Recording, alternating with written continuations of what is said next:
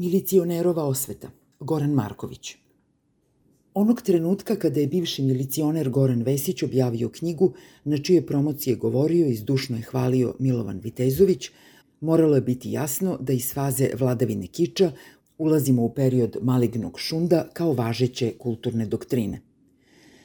Prijem ovog čuvara reda u Udruženje književnika Srbije samo je potvrdio da nam više nema spasa. Ipak je neko u tom udruženju načinio taj predlog, nekoliko ljudi iz uprave je glasalo za i Vesić je postao književnik, zvanično. Nadam se da su imena ovih ljudi ostala zabeležena zbog istorije beščašća. Ali da su ambicije pokondirane tikve ostale na literaturi, ne bi bilo mnogo štete. Papir i onako trpi sve. Međutim, Vesić je sebe zamislio kao renesansnu ličnost koja će obuhvatiti i ostale sfere stvaralaštva, kao što je urbanizam, na primer. Posle sravnjivanja Trga Republike, beskonačne rekonstrukcije glavnih gradskih arterija i opšte seče drveća od Kalemegdana do Košutnjaka, na red je došao Savski trg ispred bivše železničke stanice sa spomenikom Stefanu Nemanji visokom 23 metra. Iza ove nakazne tvorevine, koja predstavlja simfoniju neukusa i prevazilazi slične primere u Skoplju, stoji niko drugi nego čovek koji je prešao dug put od špartanja ulicama Beograda do uništitelja tog istog grada. Pretpostavljam da se radi o osveti za izlizane džonove i časove poniženja koje je preživeo od građana Beograda koji poslovično ne mirišu miliciju, policiju.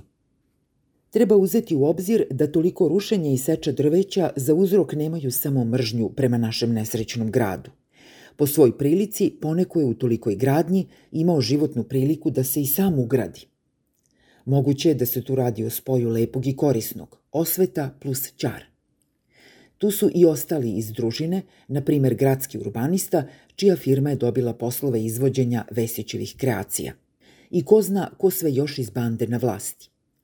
Kako se deli provizija, možda ćemo saznati jednog dana kada pobedi pravda. Znači nikada. Ipak, najgore od svega je da je neko, neuki priprost, preuzeo na sebe da sudi šta je lepo, a šta nije. Hoću da kažem kako je Vesić počeo da veruje da je pozvan da arbitrira u pitanjima ukusa.